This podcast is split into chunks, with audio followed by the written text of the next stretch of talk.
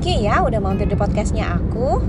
Untuk yang baru pertama kali denger, kenalin aku Tina. Aku seorang psikolog IO, psikolog uh, industri organisasi. Aku seorang profesional HR yang sudah berkecimpung sekitar 13 tahun deh di bidang HR.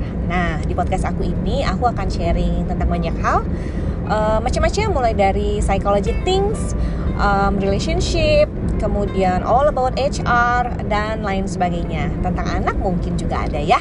Oke, thank you ya udah mampir dengerin ya podcastnya aku. Semoga bermanfaat. See ya.